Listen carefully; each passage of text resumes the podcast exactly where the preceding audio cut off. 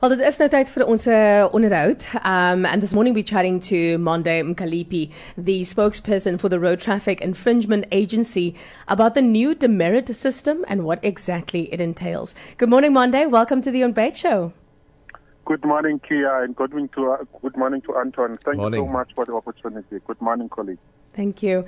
Um, Monde, in terms of the actual demerit system, when does this begin and what does it mean for us as motorists on the road? Yes, Kia, uh, um, the points demerit system is not uh, in place yet, as you are rightly pointing out.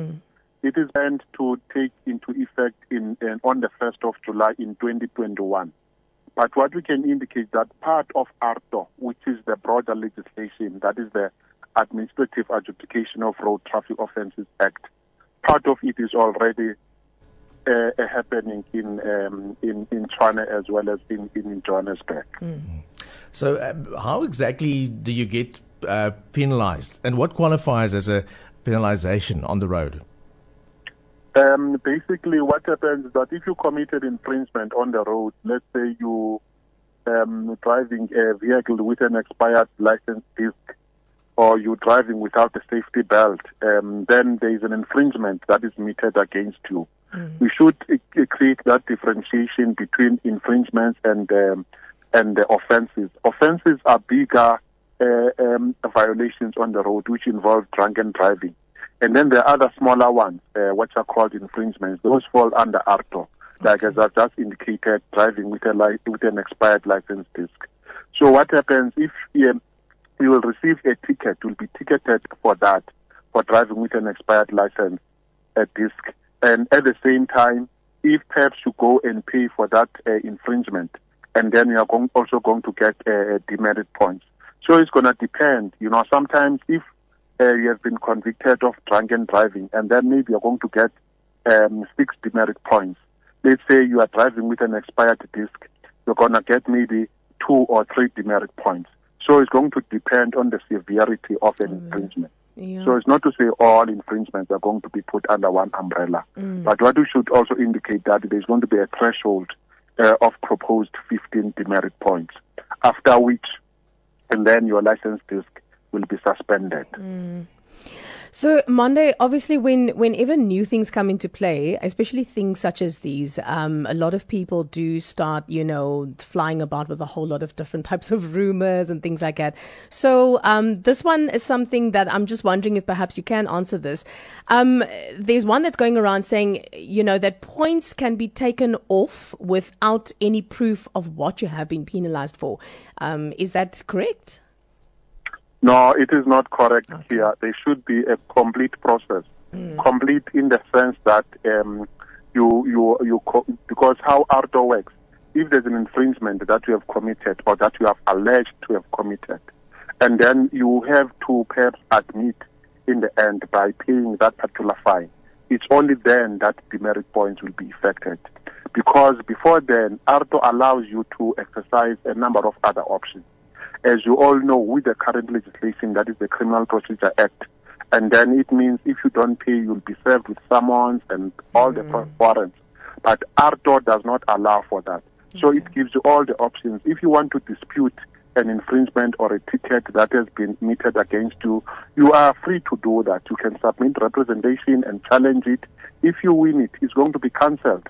But if perhaps you lose it, and then it means that we have to honor uh, and, and resolve that infringement through payment. So that is the major advantage with AARTO. Because now we're doing away with all the court processes of warrants of arrest. We are saying that the system should be strictly administrative, will deal with paper, and then um, if perhaps what a person fails, and then a person will be blocked from renewing the driving license or license disc. And just finally, Monde, um, what if someone drives a like a company car and uh, incurs a penalty? What happens with, you know, within the demerit system then? Yes, that's a very good question, Anton. Because if, let's say, uh, Anton owns a fleet of, of, of trucks or vehicles, then those vehicles obviously are registered under Anton. And then what happens if that uh, one of your trucks goes through a camera and then it gets a, a fine? Then that fine is going to be directed to Anton, but the onus is also going to be on Anton to make sure that you reroute that ticket towards Monde, who, who is your employee, for example. Mm. And then Monde will have to make sure that he is the one who resolves that traffic fine. So AARTO allows that. I've indicated that there are a number of options, for example, Anton. One of those options is that one of nominating of a new driver. This is where AARTO applies now. So if you own a few vehicles and then you can reroute that ticket towards person, except in instances where a person, Monde, who is driving your truck and then is caught speeding on the road and then the ticket now, which goes called AARTO 1, the one that is served on the driver on the roadside, that one goes directly to the driver ah. because he's the one who has been caught driving. So there are these two instances where a ticket goes towards the vehicle and then when a ticket goes towards the driver. But if a Monde is driving Anton's truck, which has got a defect, a worn out tire, then the ticket is going to go towards the owner, who is Anton in this particular instance. Mm-hmm. So that's how AARTO works uh, in okay. such cases. Awesome. Monde, just one last question. Um, where can people get information? I'm sure it's freely available online. Is there a specific site or anything like that? Yes, Kia, we do have a website. Um, our website is rtia.co.za. RTIA. All the .co.za. Okay. Yes, and also our call center number if they need more information, which mm. is 086 mm-hmm. 122 7861. They can call there because there are some drivers who live in Cape Town who maybe who frequent Joburg mm, and mm. who might want to find out if they've got any AARTO tickets against their name. I see. Monde, thank you so much for joining us. Um, I think that a lot of the, the questions that were flying around has put our minds at ease, um, having you explain it to us. Um, so we do understand it better now. Um, but I'm sure we'll touch base again soon enough with you. Thank you so much. Thank you. Thank you, Anton. Thank you, Kia. Thank you to the Tygerberg Radio listeners. Thank you so much, colleagues. Thank, Thank you. you. Thank you. Take care.